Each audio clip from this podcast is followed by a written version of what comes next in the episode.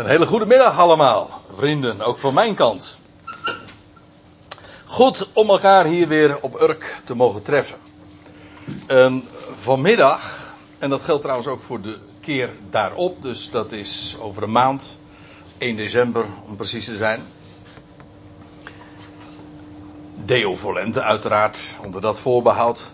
Gaan we het hebben over een merkwaardige geschiedenis. En Dubbele die heeft er zojuist van afgezien en terecht om het eh, gedeelte wat we gaan bespreken niet eh, eerst even te lezen, want dat even dat valt dan vies tegen, want dat is een eh, flink Bijbelverhaal.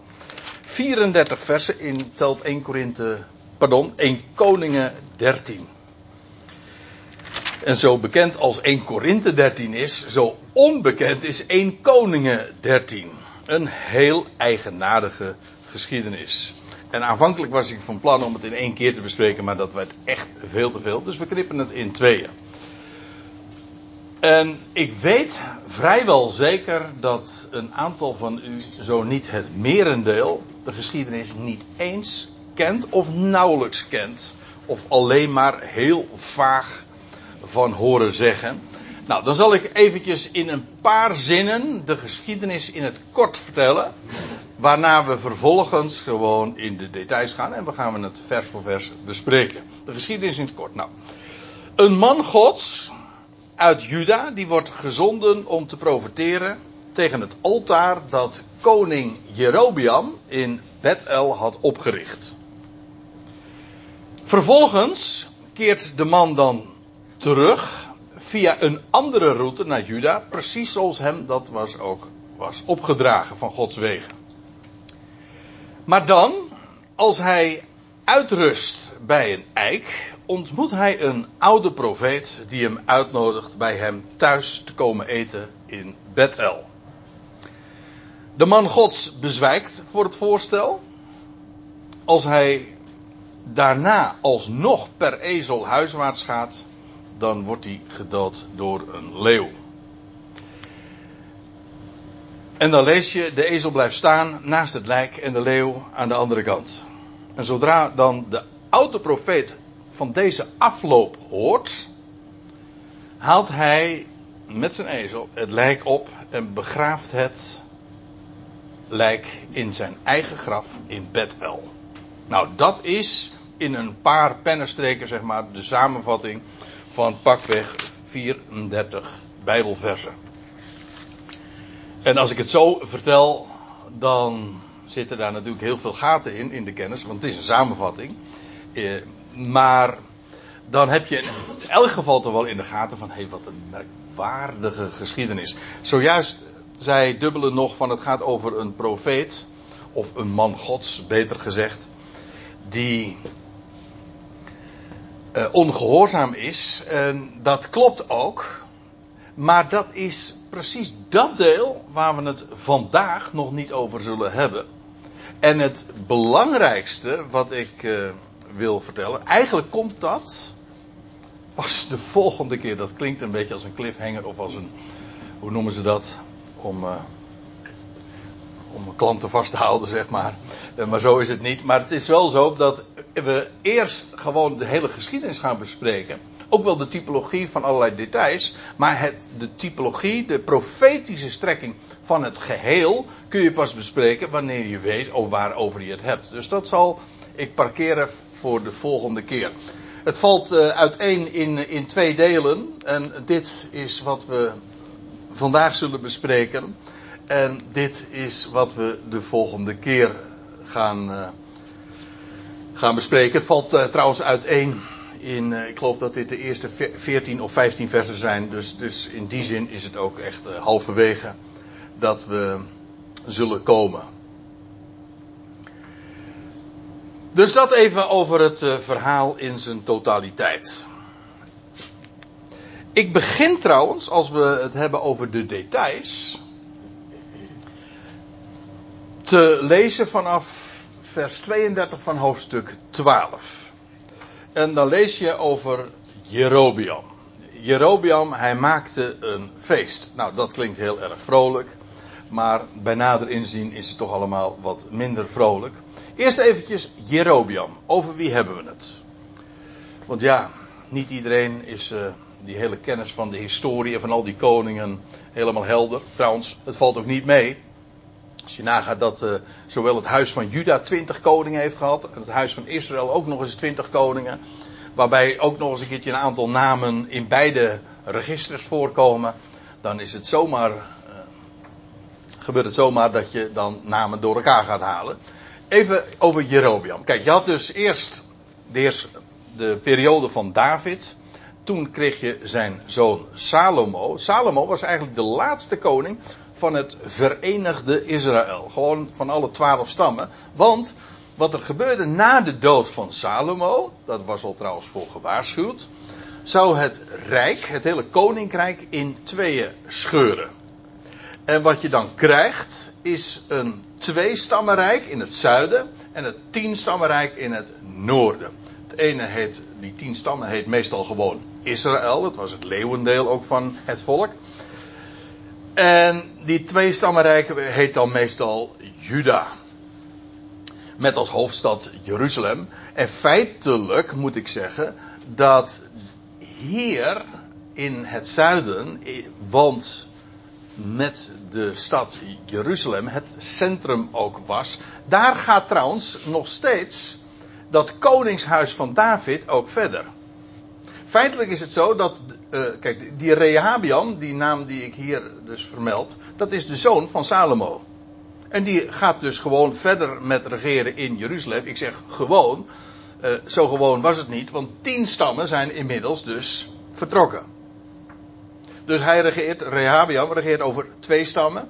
En zijn rivaal, dat is Jerobiam, die regeert over de tien stammen van Israël. Dus we praten over het begin. Als, we, als, we, als ik dus lees. En Jerobiam maakt een feest. Dan hebben we het over de eerste koning van het tienstammenrijk. Jerobiam. Uh, daarvan uh, lezen we dat hij. Uh, al een hoge functionaris was in de dagen van Salomo. Uh, hij moest uh, trouwens vluchten naar Egypte. En na de dood van Salomo komt hij dan terug. En nou ja, dan uh, neemt hij dus een groot gedeelte van uh, Israël, van, het, van de twaalf stammen, met zich mee. Allemaal zoals voorzegd was trouwens. Afijn, die Jerobiam, hij maakte een feest. En waarom maakte hij een feest? Dat, dat heeft een hele belangrijke, ook voor de hand liggende reden. Kijk, het centrum, het religieuze, godsdienstige centrum, lag in Jeruzalem. In Juda dus. Dus als die tien stammen daarvan afgescheiden zijn, ja, dan had Jerobiam het grote probleem dat, dat het, het, het volk dus nog ieder jaar bij diverse gelegenheden, drie keer per jaar, in ieder geval naar Jeruzalem zou gaan trekken. Zodat ze altijd een binding zouden houden met dat koninkrijk van Juda, waar hij zich juist van afgescheiden had. En dat zag hij helemaal niet zitten. En dan lees je ook dat om het volk niet naar Jeruzalem te laten trekken voor de eredienst, ontwerpt hij zelf een eredienst. Met twee centra, één in het zuiden, in Bethel, en één in het noorden, helemaal in Dan. Je kunt het nalezen in ditzelfde hoofdstuk, vers 28 van hoofdstuk 12. En hij bouwt daar ook uh, tempels. En hij is helemaal op eigen houtje, selecteert hij ook een priesterkasten. Helemaal naar eigen goeddunk. Ook niet uit de stam van Levi, maar ze mochten uit het hele volk komen. Dus hij maakte een, een kopie eigenlijk van de godsdienst. Maar helemaal uh, naar eigen snit, zeg maar. Naar eigen ontwerp. Dat blijkt ook wel, want dan staat er vervolgens, hij maakte een feest in de achtste maand, op de vijftiende dag van de maand. Nou, als je een klein beetje thuis bent in de Hebreeuwse feestkalender, dan weet je dat uh, dit niet klopt. Want hoe was het? Uh, het Loofhuttenfeest, dat is eigenlijk wel een van de hoogtepunten ook van de hoogtijden in, bij Israël. Dat was een feest een hoogtij dat gevierd werd vanaf de vijftiende dag van de maand in de zevende maand. Dit was dus gewoon een maand later. Wat hij doet, is hij viert het Loofhuttenfeest, maar niet in, het, in de zevende maand, zoals voorgeschreven was, maar in de achtste maand. Dus hij verplaatst van de zevende naar de achtste. Een beetje vergelijkbaar. En dat zeg ik een beetje, dat klinkt wat ondeugend, maar uh, daar zit meer achter dan je zou denken. Uh, vergelijkbaar met het christendom dat zich onder de wet stelt. Die dus elke zondag uh, zegt van wij houden de wet. Gedenk de Sabbatdag dat gij dien heiligt. En dat kunnen ze met droge ogen zeggen. En tegelijkertijd viert men het op de achtste dag. Gedenk de zevende dag, zes dagen zult gaan, maar de zevende dag zult gerusten. En wat hebben ze gedaan? Die zevende dag hebben ze overgeheveld naar de achtste dag, naar een dag later dus. Dus dat wat Jerobiam deed, dat moet voor, uh, voor traditioneel christelijke oren toch bekend in de oren klinken, hè? Toch? Want uh, hebben wij exact hetzelfde gedaan. Want ja, men zegt van ja, we staan wel onder die wet die aan Israël gegeven is, alleen wij hebben die zevende dag verplaatst naar de achtste dag. Maar wel alle voorschriften die voor die zevende dag golden, die hebben we ook overgeheveld naar de achtste dag. Volledig eigenmachtig. Ik bedoel, naar eigen goeddunk. Maar goed, dat is dus wat Jerobiam deed. Er staat er trouwens bij, hij, hij, hij, maakte, hij, hij zelf maakte dus dat feest in de achtste maand, op de vijftiende dag van de maand, zoals het feest dat in Juda was. Ja, met dat verschil dat hij het nu een maand verschoven had. Van de zevende naar de achtste maand. En hij offerde op het altaar, wat hij trouwens ook niet mocht, want hij was een koning. Hij was helemaal geen leviet. Hij kwam uit de stam van Ephraim. En zo deed hij te Bethel. Hé, hey, maar daar had hij eigenlijk wel weer hele goede argumenten voor kunnen bedenken. Toch? Of was het maar omdat Bethel betekent huis van God. En er was ooit iemand die daar ook een altaar had gebouwd. Ik stel me zo voor dat Jerobiam dat als argument ook heeft gebruikt. Want uh, we weten van Jacob dat hij dat ooit deed. Je leest in Genesis 35, in vers 1 van dat hoofdstuk. En God zeide tot, tot Jacob: Maak u reisvaardig. Trek naar Bethel. Hij kwam net bij zijn oom Laban vandaan, waar hij 20 jaar had verbleven. waar hij een verblijf had gehad voor 20 jaar, ja. En dan staat er uh, dat hij dus uh, weer teruggaat naar het beloofde land. Jacob keert weer terug na twee decennia naar het eigen land. Ja, ik denk dan aan allerlei dingen, maar goed. Hè. En, dan staat er, trek naar Bethel en dan staat er, blijf daar en richt er een altaar op voor de God die u verschenen is toen u vluchtte voor uw broeder Esau. Ja, maar dat was twintig jaar eerder.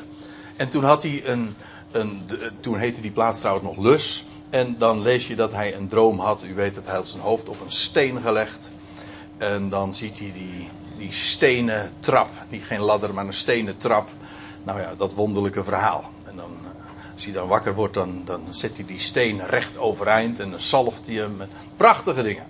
Maar in ieder geval, uh, bij die gelegenheid, nu twintig jaar later, keert, wordt hij dus nog tegen, zegt God tegen hem, je keert terug en ga naar eh, Bethel toe en richt daar een altaar op. Aha, nou. Dat is een mooi, mooi argument voor, voor Jerobiam. Dus uh, de plaatsnaam is ongetwijfeld niet zomaar uit de lucht komen vallen. Daar, had hij een, daar zat een gedachte achter. Weliswaar naar eigen inzicht. Want ja, hoor eens even, Genesis 35 vers 1, dat was tegen Jacob gezegd. Dus uh, hij kon er niet echt een argument aan ontlenen, maar goed. Uh, hij zal hier wel een motief in hebben ge, gevonden. Afijn, zo deed hij te Bethel dus. En dan staat er, hij offerde aan de kalveren die hij had gemaakt. Hey, dat moet toch bekend uh, voorkomen.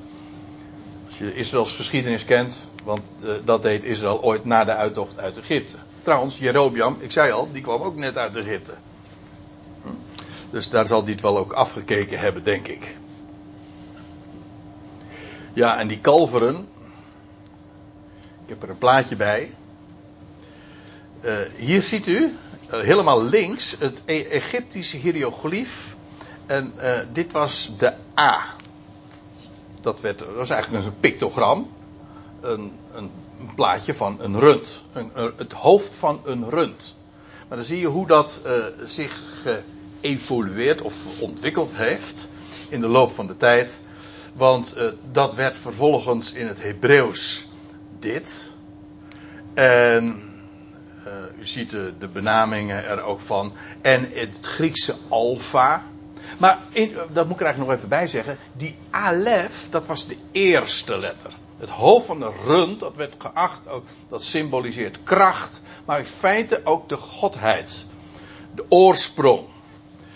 Vandaar ook de eerste. Vandaar ook dat ik ben, ik ben de alfa. Ja, maar dat is die A. Dat heeft, en de, zelfs onze A is gewoon nog het hoofd van een rund.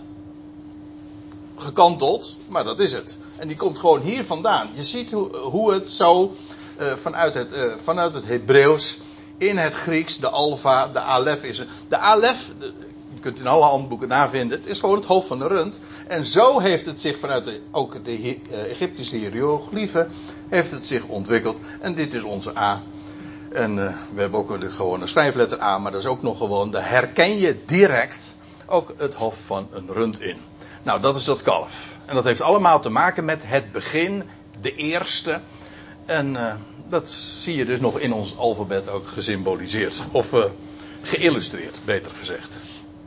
Hij offerde aan de kalveren die hij had gemaakt. Ook stelde hij, moet er dan nog tussen staan, in Bethel priesters aan voor de hoogte die hij had gemaakt. Ik zei al, hij maakte ook een heel eigen priesterkasten en die stelde hij daar aan. Hij had daar verhogingen uh, gemaakt. Wat God trouwens uitdrukkelijk had verboden, want God had gezegd van ik heb één plaats en daar, noem, daar ga ik mijn naam doen wonen en daar zul je offeren. Maar goed, uh, Jerobeam uh, had een ander idee. En hij besteeg het altaar dat hij te Bethel had gemaakt op de vijftiende dag van de achtste maand, die hij, staat er nog bij hè, die hij had bedacht in zijn hart. Ja, is een wat letterlijke weergave die u hier ziet uh, van de tekst, maar uh, je herkent het direct als je meeleest in de MBG of Statenvertaling. Maar er staat bij die hij had bedacht in zijn hart. In feite wat je hier al ziet, en ik, ik geef het gewoon eventjes als een, als een als een hint al.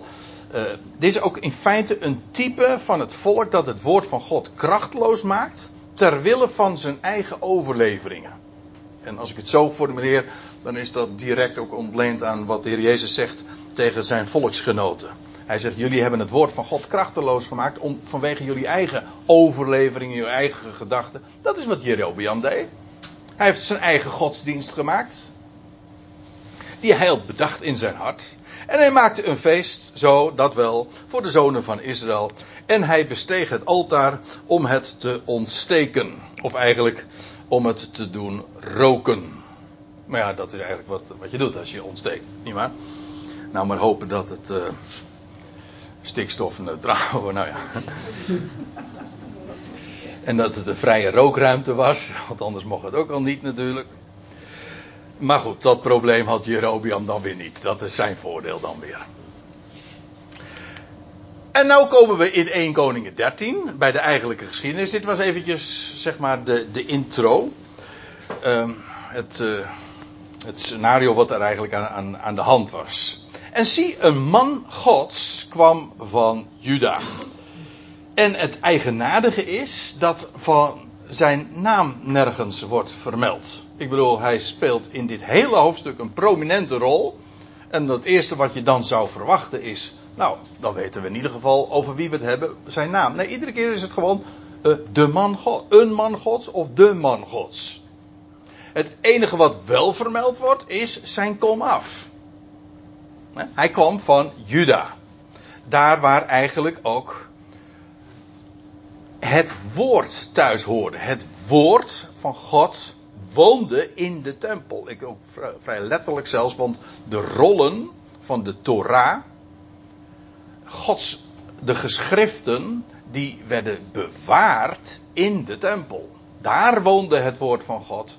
Daar was de plaats waar God zijn naam deed wonen. Het was trouwens ook de plaats waar uh, het huis van David, de dynastie, uh, gevestigd was. Hè? Jeruzalem.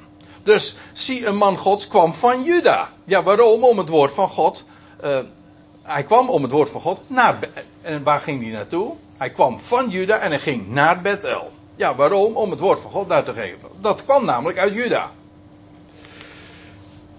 En Jerobiam stond op, eh, stond daar op het altaar, dat zo staat het er letterlijk dan, om te ontsteken. Om te doen roken. En hij riep, en hij, dat is die man Gods dus, die riep over het altaar.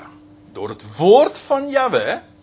Dus er wordt heel uitdrukkelijk benadrukt uh, dat wat deze man Gods te melden heeft, volstrekt conform het woord van God was. Hij riep door het woord van Yahweh en zei: Altaar, altaar. Zo zegt Yahweh. Heel opmerkelijk, want je zou verwachten dat een profeet, als die ergens tegen profeteert en feitelijk ook protesteert, dat hij uh, in dit geval Jerobiam zou aanspreken, maar dat doet hij niet. Hij spreekt het altaar aan. Het altaar met haar eigen dunkelijke eredienst. Dat is het onderwerp van de profetie. Dat is waar de profeet het over heeft. En dan zegt hij dit. Altaar, altaar. Zo zegt Yahweh, dubbele punt. Zie, een zoon zal worden geboren aan het huis van David. Aha, dat huis waar Jerobiam zich juist van had afgescheiden. En feitelijk wat hier gezegd wordt is, eh, de toekomst ligt daar bij dat huis. Daar heeft God zijn belofte aan verbonden. En niet aan dat koningshuis wat jij nu, de, waar jij nu de eerste van bent. Trouwens, het huis van, uh, van Israël, die tien stammen, die hebben nog, nog zes andere dynastieën gehad. Dat wisselde elkaar iedere keer af. Maar er zal een zoon geboren worden aan het huis van David. En zijn naam wordt ook meteen al aangekondigd. Zijn naam zal zijn Josia. Het lijkt erg veel op Josua. De Heere red. In feitelijk ook de naam van Jezus al. Maar ik, moet erbij zeggen, in het Hebreeuws is de betekenis van de naam Yahweh. Hij steunt, hij ondersteunt. Dat is wat hij doet. Zijn naam zal Josia zijn. Maar dan moet ik er wel bij zeggen, dit is een profetie op de lange termijn hoor. We vinden daar wel andere voorbeelden van in de, in de schrift en dat is zo fascinerend.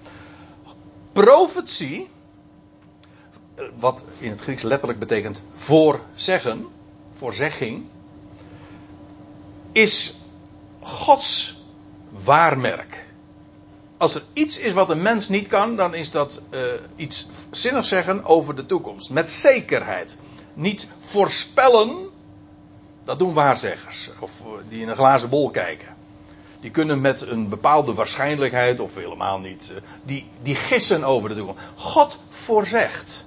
Bijvoorbeeld, dan lees je dat Jezaja al zegt, nog voordat Israël in ballingschap gaat, dan zegt hij al, dat zou nog zelfs eeuwen duren, en dan zegt hij al hoe Israël uiteindelijk weer teruggebracht zal worden door het land. En dan zegt hij, degene die dat zal doen, dat, dat is, Kores. En zijn naam wordt dus al een paar eeuwen van tevoren, voordat die man, die man die was nog lang, uh, zijn ouders, zijn grootouders en zijn overgrootouders waren nog niet eens geboren. Maar er wordt al gezegd, dat zal ene Kores zijn. Dat is, een, uh, dat, is een, dat is een, geweldig verhaal, ga ik nou niet vertellen. Maar hier zie je iets soortgelijks. Hier wordt, een, een, hier wordt gezegd, er zal een koning dus zijn aan het huis van David, de dynastie, het koningshuis van David, en zijn naam zal Josia zijn. Dat zou echt nog eeuwen duren, drieënhalve eeuw, heb ik even nagekeken. Want kijk, we praten hier, dit is de koningslijst van de twee stammen. En dit was in de dagen van Jerobiam en Rehabiam, dat is van Juda dus. En dit was in deze dagen. Maar dat was dus in het begin van. Na de scheiding, zeg maar, van de, de scheuring van het koninkrijk. Josia, dat was 3,5 eeuw later. Dat is deze figuur. Dat is trouwens een uh, geweldige koning geweest. Ook een prachtig verhaal trouwens. Een, die, die werd al koning toen hij acht jaar was.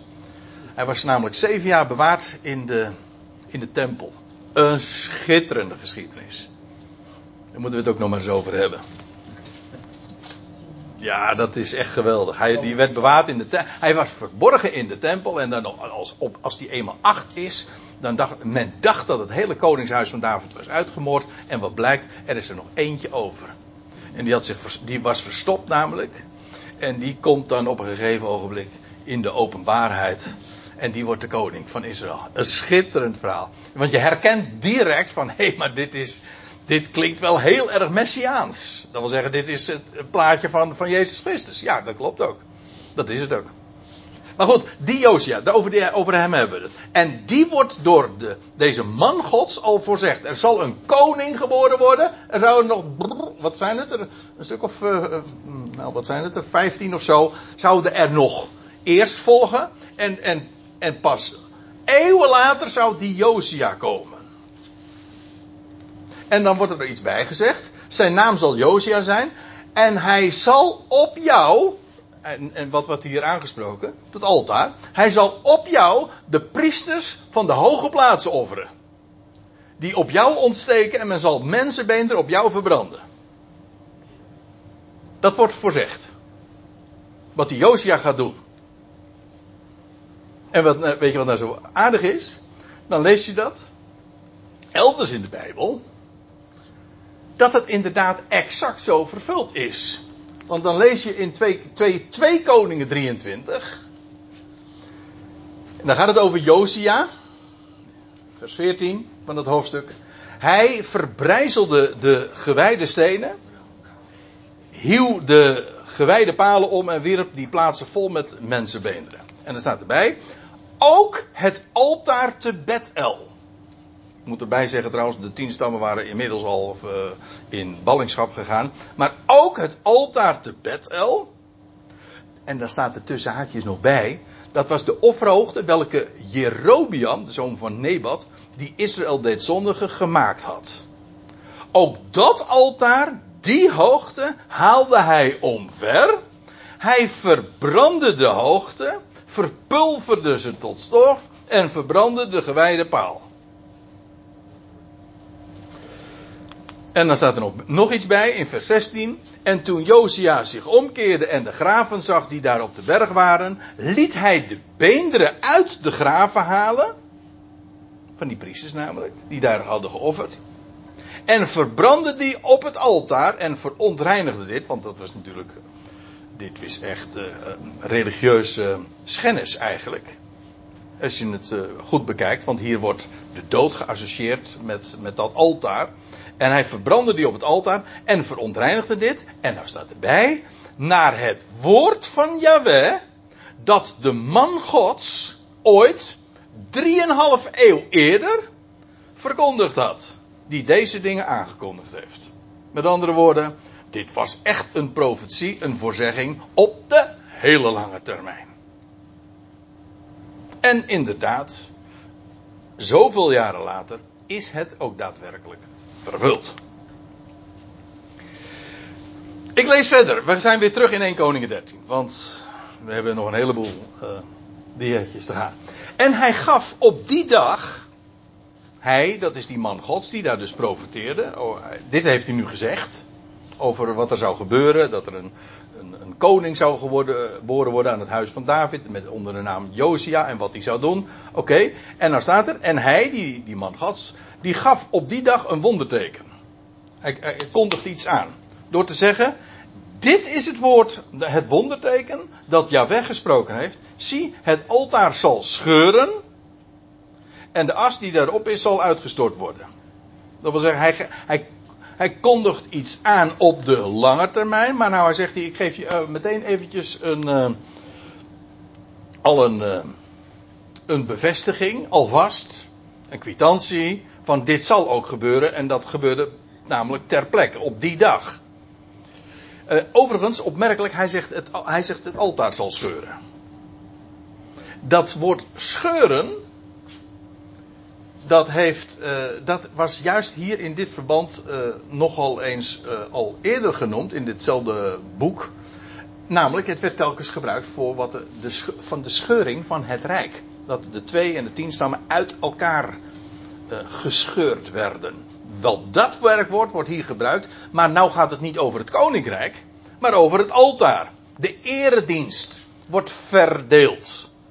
En feitelijk is wat hij hier wordt aangekondigd, zie het altaar zal scheuren en de as die daarop is zal uitgestort worden. Dus behalve dat de, het koninkrijk is gescheurd, is wordt ook de eredienst, waar het altaar toch symbool voor staat, wordt ook gescheurd. En het as zal uit, dat daarop is, dat wordt uitgestort. Normaal gesproken wordt het namelijk al keurig verzameld enzovoort. En toen de koning het woord van de man Gods hoorde, die koning Jerobiam, die daar dus bezig was, en die nu eigenlijk ernstig verstoord wordt in zijn activiteiten. Ja, hij, hij was nu net bezig met een, een, belangrijk ritueel voor dat feest wat hij zelf had ontworpen. En toen, de, en toen de koning, Jerobiam dus, het woord van de man Gods hoorde, wat hij over het altaar te Bethel geroepen had, strekte Jerobiam zijn hand van boven het altaar en hij zei: Grijp hem vast. Want ja, dit was natuurlijk zeer onwelgevallig en je kunt je voorstellen wat hij van plan was te doen met deze man Gods. In het Engels heet dat dan shoot the messenger. Ja, die man, wat kon die man Gods doen? Die deed ook niks anders dan vertellen wat hij moest vertellen. Oh, hij wist ook wel dat het niet populair was en hij wist ook dat hij zich hier niet geliefd mee maakte. Maar hij moest dit vertellen. Oké, maar staat er dan, zijn hand die hij had uitgestrekt uh, over hem, verdorde. Letterlijk staat er, uh, zijn, zijn, hand werd verdroogd, of ja, uh, zijn hand verdroogd, verlamd, verstijfd, ja, letterlijk dus uh, dat verdroogd. Maar in ieder geval, hij was niet meer handelingsbekwaam. In de meest letterlijke zin van het woord dus. Dus uh, je kunt je dat voorstellen. Hij, hij strekt zijn hand uit. En, zodat hij die niet meer tot zich kon terugtrekken. Dus ja, hij had er geen controle meer over. En wat er vervolgens gebeurde. En het altaar scheurde. En de as werd uitgestort vanaf het altaar. Dus die man Gods had gezegd wat er op de lange termijn zou gebeuren. Maar hij had ook gezegd, dit is het teken dat het zal gebeuren. Namelijk nu. En wat er gebeurt is, terwijl die uh, koning Jerobiam zegt, grijp hem vast. Wat er gebeurt is, het altaar scheurde en de as werd uitgestort. Ik zei al, ik, ik hint er al even op, maar in Gods eredienst, zo lees je dat in Leviticus, dat het voorgeschreven al wordt, werd de as altijd verzameld, de as van het offer, en vervolgens op een reine plek buiten de lege plaats bewaard. Dat werd, daar werd zorgvuldig mee, mee omgegaan, gewoon naar uh, de regels en wat daar, daar zit trouwens ook nog weer een prachtig verhaal aan vast. Als je, dan hebben we het over de rode vaars. Zo'n koe, jonge koe, die eh, dan, waarvan, die dan ook verbrand werd buiten de lege plaats. En het as daarvan werd bewaard. Er werd dan alweer reinigingswater. Ook dat is een schitterend verhaal, maar daar gaan we het nu ook niet over hebben. Eh, eh, de as werd uitgestort. Dus dit was, hier wordt een altaar dat zojuist gemaakt was en in, eigenlijk ingewijd werd, werd gewoon vernietigd. Gewoon gescheurd. Het altaar scheurde, de as werd uitgestort vanaf het altaar en uh, dit was een soort van beeldenstorm, zeg maar. Dit was heiligschennis feitelijk. Want ja, dit was een religieuze uh, bijeen, uh, bijeenkomst. En nu gebeurt er dit. En het altaar scheurde en de as werd uitgestort vanaf het altaar. Zoals het wonderteken was gegeven in het woord van Yahweh. En dit was dus in feite inderdaad een soort van voorlopig garantiebewijs. voor wat er op de langere termijn zou gebeuren. Maar God voorzegt. En ongeacht of dat op dezelfde dag nog gebeurt, of 350 jaar later, of 2000 jaar later. Hm? Daar kun je echt op uh, blind varen, gewoon op staan. En de koning antwoordde en zei tot de man gods, en nu verandert zijn toon, want ja, nu moest hij wel een toontje lager gaan zingen. Smeek toch van het aangezicht van Jahweh, jouw God, en bid voor mij, opdat mijn hand weer tot mij komt opmerkelijk dat hij zegt jouw God of uw God. Daarmee feitelijk dus impliciet, hè, tussen de regels door, erkennend dat hij zelf van God vervreemd was. Het is jouw God, het is niet meer mijn God. Maar nou, nou vraagt hij dat. En dan staat er, en de man God smeekte, dus hij willigt dat in. En de man God smeekte van het aangezicht van Yahweh. En de hand van de koning kwam weer tot hem en werd zoals tevoren. En feitelijk is dit opnieuw een wonderteken natuurlijk. Dus het, uh, Het is een voortdurende bevestiging van wat die man Gods uit Juda, die vreemde man, die, wiens naam niet eens genoemd wordt, maar wat hij gezegd heeft, en dat wordt voor hier ter plekke gewoon bewezen. En die man uh, en de hand van de koning kwam weer tot hem en werd zoals tevoren. En de koning staat er aan vers 7, die sprak tot de man Gods: Kom met mij mee naar huis en sterk je. De toon is nu compleet veranderd, want ja, nu had hij wel in de gaten, uh, met deze man valt niet te spotten. Kom met mij naar huis en sterk je en ik geef je een geschenk. Oei, nou moet je uitkijken natuurlijk. Hè? dat weet je hoe dat in de Bijbel heet? Dat heet een Biliamsloon. Dat een profeet. Ja, Biliam was die profeet, ook uit het buitenland, maar die kreeg een loon van, uh, wie was het, Balak, koning Balak, en die gaf hem ook geschenken. Maar dan moest hij wel, uiteraard, dat is de voorwaarde, dan moet je wel vertellen wat ik wil dat jij gaat zeggen. Hè? En, maar ja, goed, Biliam kon dat helemaal niet. Want zo werkt het niet. nou, er zijn er trouwens heel wat hoor, die dat zo doen. Dan heet dat trouwens, eh, als het gaat om een Biliamsloon, dan was het echt. Balak zou uh, Biliam ook rijk maken. Ongetwijfeld zou Jerobeam dat ook met die man Gods wel willen doen. Als die maar. Uh, je hebt in het algemeen wordt er ook gesproken over. Uh, dat, dat staat ergens in Jeremia, als ik me niet vergis. Maar daar blijf ik van af.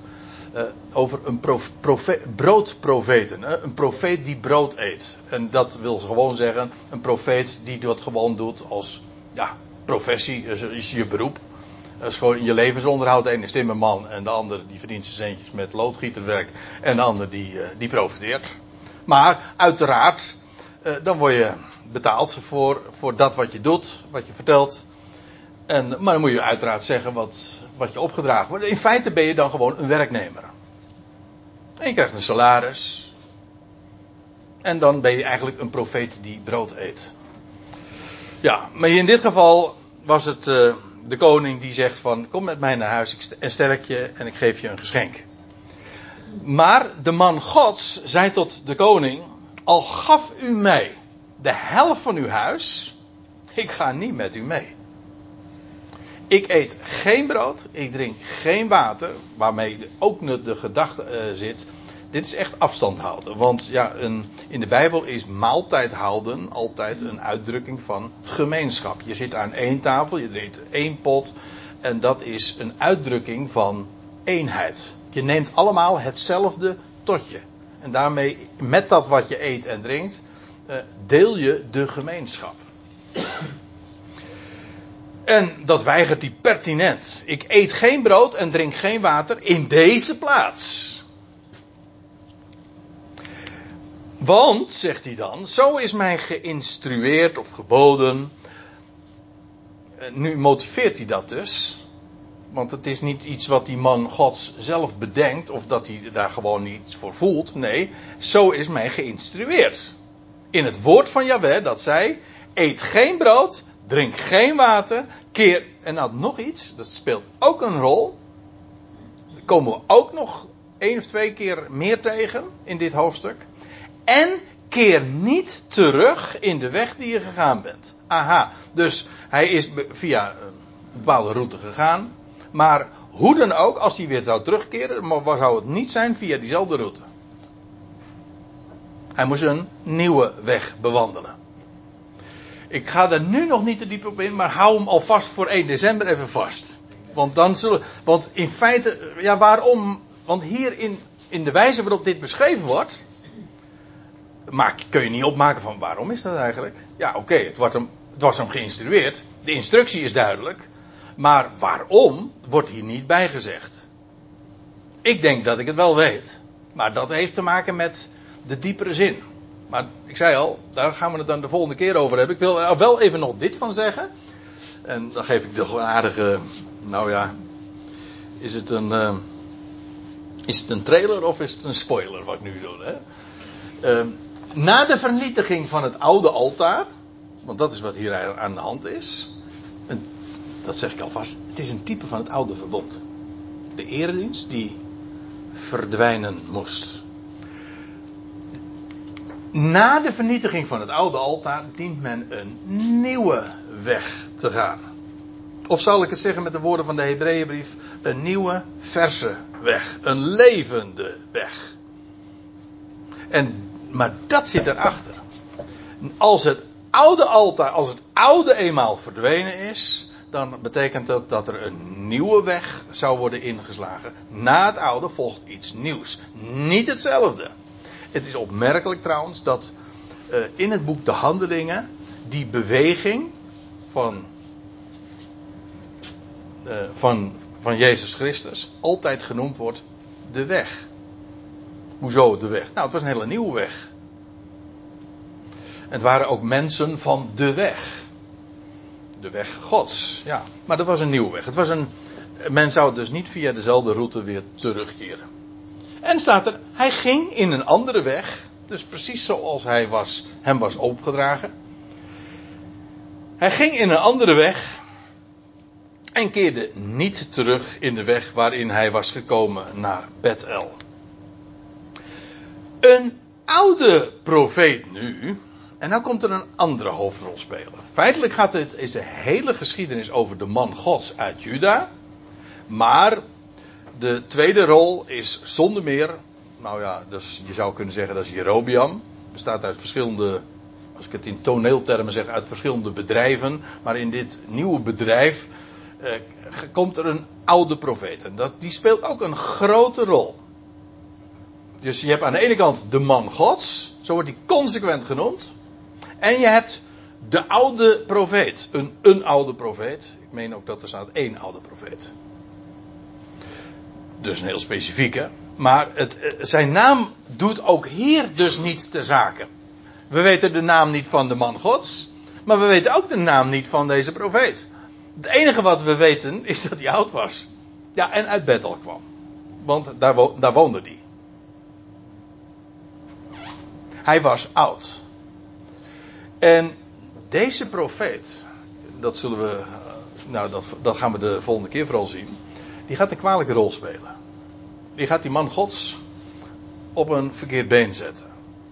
En ook met een beroep op Gods woord. Hij zegt, ja, maar ik ben een profeet. Ja.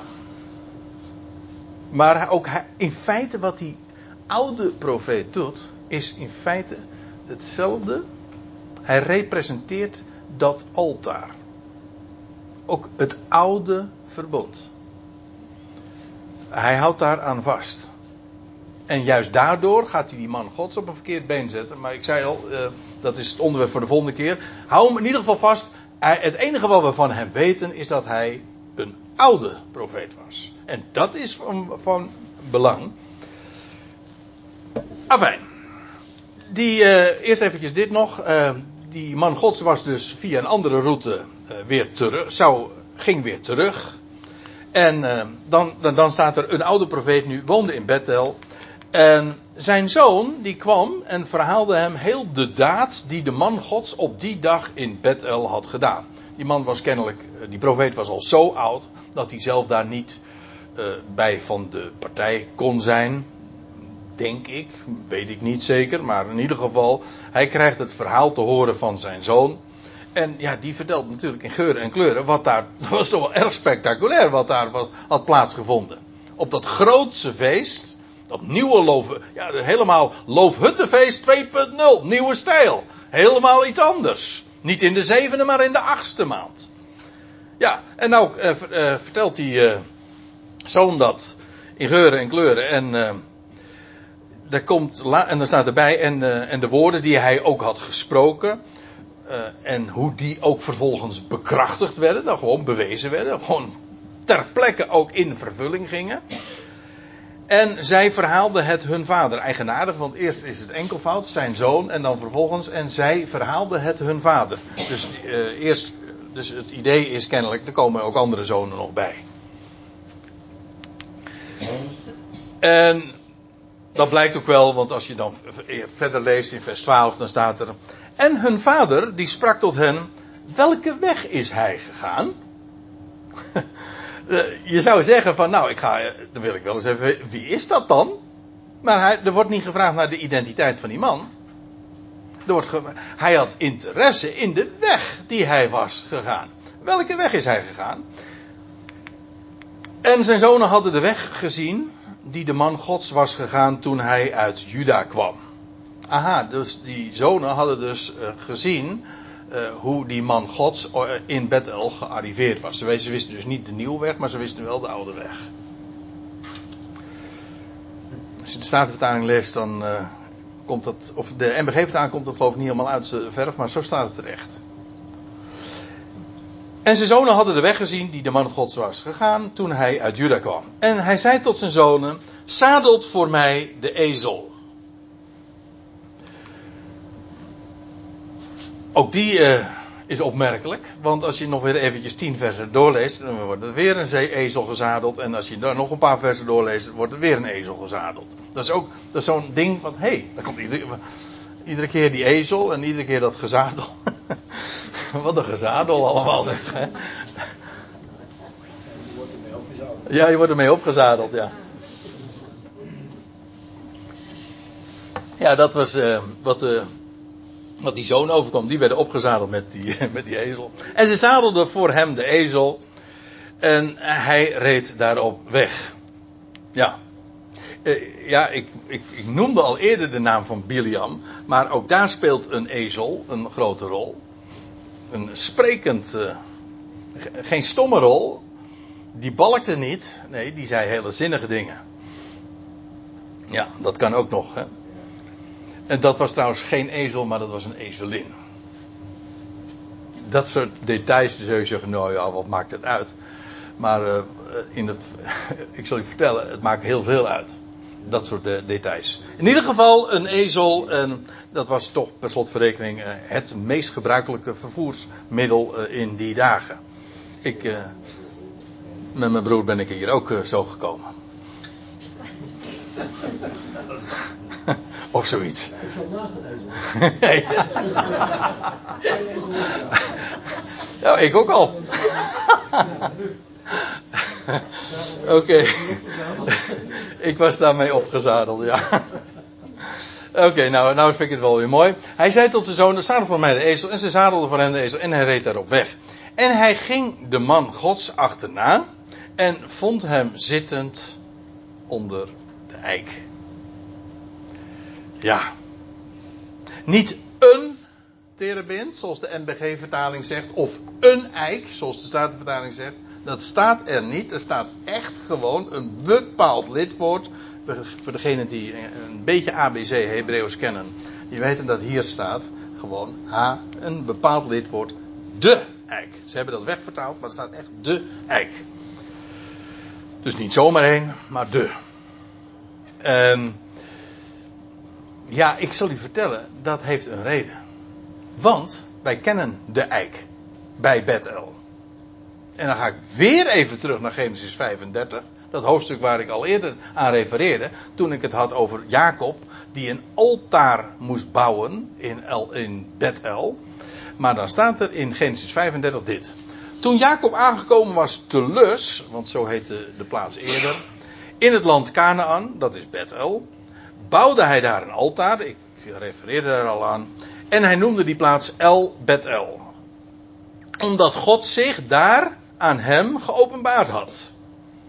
Toen hij voor zijn broer vluchtte. En nou komt het. Toen Deborah. Ja, daar hebben we kennen we er meerdere van. Maar dit is een Deborah. Dit was de voedster. Zeg maar de tweede moeder van uh, Rebecca. Dus Jacobs moeder. De voedster van Rebecca gestorven was. Werd zij begraven beneden het Bethel onder, ja, staat er in de vertaling een eik. Staat ook hier niet een eik, er staat onder de eik. En men noemde die eik dus eik van geween. In de, als je het in de Statenvertaling leest, dan wordt het uh, onvertaald gelaten. En is gewoon de, de Hebreeuwse naam ervan uh, vermeld. Maar letterlijk betekent dat dus: het is een eik van huilen, van geween of van droefheid. Uh, dat. Eigenadige. Be, dat begraven worden onder een eik. En in het algemeen. Uh, ja, die spelen natuurlijk zo'n grote rol. We hebben er volgens mij wel eens een keertje vaker over nagedacht, maar in dit verband moet dat natuurlijk eventjes voor het voetlicht gebracht worden. Kijk, het verhaal is dit. Het woord eik in het Hebreeuws is van dezelfde stam als het woord voor eet. Met een D dus. Niet dit, ik eet, maar dit.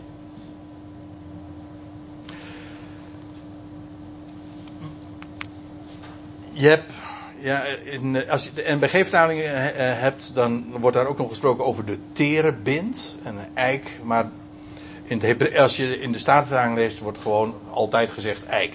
Je hebt het woordje alon, het woordje ela. Maar het woord Allah uh, is, het is allemaal van dezelfde stam. Je ziet dat zelfs ook in de strongnummering, dat het gewoon direct bij elkaar ligt. En een terebint schijnt dan weer een soort eik te zijn, want je hebt, er, uh, je hebt ze in soorten en maten. Maar dat doet nu even niet ter zake. Het gaat over de eik. Nou. En wat is daar zo van belang? En je voelt hem eigenlijk al aankomen. Als het woord voor eet, oftewel een hele plechtige belofte, een belofte, want wat is een eed? Dat is een belofte, een aanzegging met de hoogste getuigen. Dat is wat je doet. Een eedswering is altijd dat uh, een belofte gegeven wordt waarbij Gods naam vermeld wordt. Een verwijzing naar God, dat is een eed. Als je God dus niet erkent, dan kun je geen eed zweren. Zie je in de Tweede Kamer ook, hè? dan zeggen ze: Ik beloof het. Ja, God kunnen ze niet bijhalen, want daar, daar, daar geloven ze niet in. Maar goed, eh, een eed. En je leest trouwens dat God ook een eed zweert. Wat, wat heel eigenaardig is, want ja, dan hoezo? Uh, God heeft toch niet iemand. Dan, dan zweert God gewoon bij zichzelf. Namelijk bij de hoogste die er is. Ik beloof bij mijzelf. En dat is een eedswering. Uh, en dat hij, je, je, leest bij een paar gelegenheden in de Bijbel dat God een eed zweert. Hij, zwoer, hij zwoer een eed bijvoorbeeld ook aan het huis van David. Dat is ook een eedswering. Maar ook de eerste keer dat je leest dat God een eed was het aan Abraham. Zo zal jouw nageslacht zijn. En ook het land werd onder ede aan het volk eh, gegeven. Met andere woorden, de eik herinnert aan Gods belofte, plechtige belofte, eedswering dus, aan Abraham. En dat verklaart ook een ander fenomeen, want kijk het maar eens naar. U ziet het hier, ik heb een heel aantal versen uh, vermeld. Iedere keer als Abraham verkaste, want Abraham had geen vaste verblijfplaats.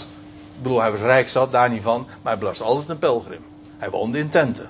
Zelfs in het land wat hem was gegeven.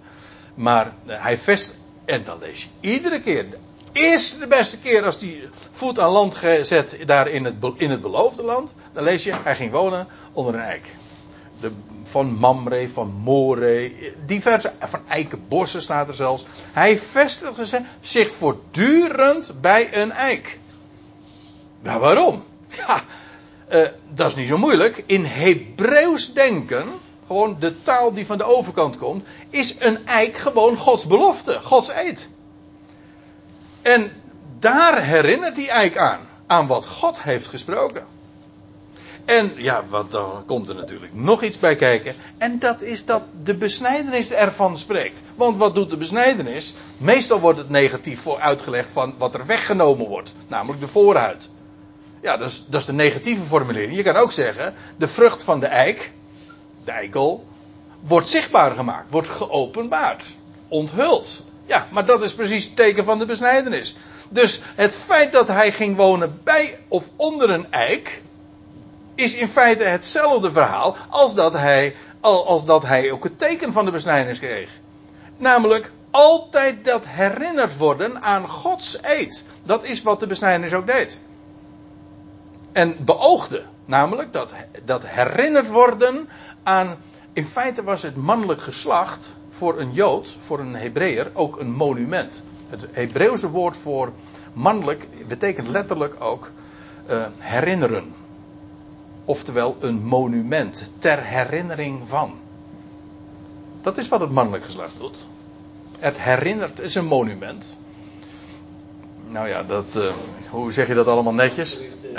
Een opgericht teken, ja, wat, waardoor God nieuw leven voortbrengt. Ja, de hele typologie van mannelijk, vrouwelijk, dat, komt allemaal daarin mee. En hoe, het, het, geweldige dat God zegt tegen Abraham, die impotent was. En hij zegt van ja, maar ik, wacht eventjes, ik verwek leven uit de dood. Ik geef je de garantie, jij zal opstanding aan de lijve ervaren. Ja, en zo'n nieuw leven voortbrengen. Er zit, er zit toch wel het hele evangelie in, als ik het zo vertel. Afijn, de besnijdenis openbaart de vrucht van de eik. Doden worden begraven onder de eik. Nou, daar had ik het net over. Die Deborah, weet u, eh, die werd begraven onder de... Hoezo? Nou, dat is niet zo moeilijk. Omdat het een... Die eik herinnert aan Gods belofte. Wat is er mooier dan begraven te worden dan bij Gods belofte? Kijk, daar kun je van op aan, want dat wordt absoluut vervuld. En de onkunde en het onvermogen van de mens doet daar niets aan af. Dat vind ik geweldig. Ik bedoel, het is een mens aan het eind van zijn Latijn. Abraham was impotent, was, zijn vrouw was uh, onvruchtbaar, bovendien ook 90 jaar. Ze konden helemaal niks meer. En God zegt: Ja, maar ik verwek leven uit de dood. Dus dan ben je helemaal afhankelijk van God. Maar hij doet het ook. Hij had het beloofd. En dat is wat geloof ook is. Geloof zegt: Ah, u zegt het. Eh, dan mag u het doen ook. U belooft het. Ja, doden worden begraven onder een eik. Wat een verwachting, mensen. En uh, nog eentje. Jozua richtte een steen op, een, ja, een grote steen op, staat er. Hij richtte een grote steen op, ook als monument, onder de eik. En waar was die eik? Bij het heiligdom. Waarom zouden ze, dat was nog niet op tijd dat uh, het heiligdom al een vaste, stek had, een vaste plek had gekregen. Maar uh, in die dagen dat Jozua dit deed, hadden ze het heiligdom waar neergezet bij een eik. En nou denken we toch inmiddels niet meer van, nou dat was zomaar een locatie. Was lekker, uh, lekker luw of zo. dat soort overwegingen. Nee, natuurlijk niet. Daar, zit een, daar gaat een enorme sprake van uit. Van Gods belofte. Nou, nou, en, en nou gaan we even terug, hè. Want die man Gods, die ging. Uh, die, die oude profeet, die, ja, die ging die oude, de man Gods achterna. En waar vindt hij die man Gods? Gewoon zittend, rustend. Waar? Nou, de enige plek waar je werkelijk rust vindt, namelijk bij de eik. Als u nu begrijpt wat ik bedoel. Bij Gods belofte. Plechtige belofte.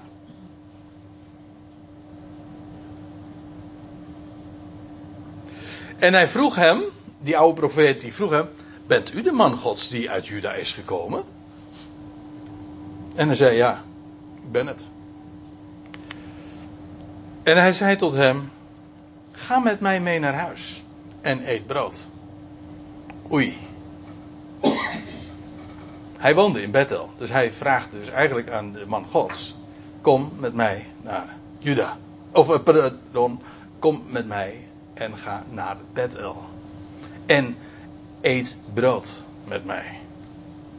En nu is de vraag: wat gaat die man Gods doen? Toen Jerobiam de vraag stelde: ga bij mij eten. Hier in Bethel. Toen heeft hij het resoluut van de hand gewezen.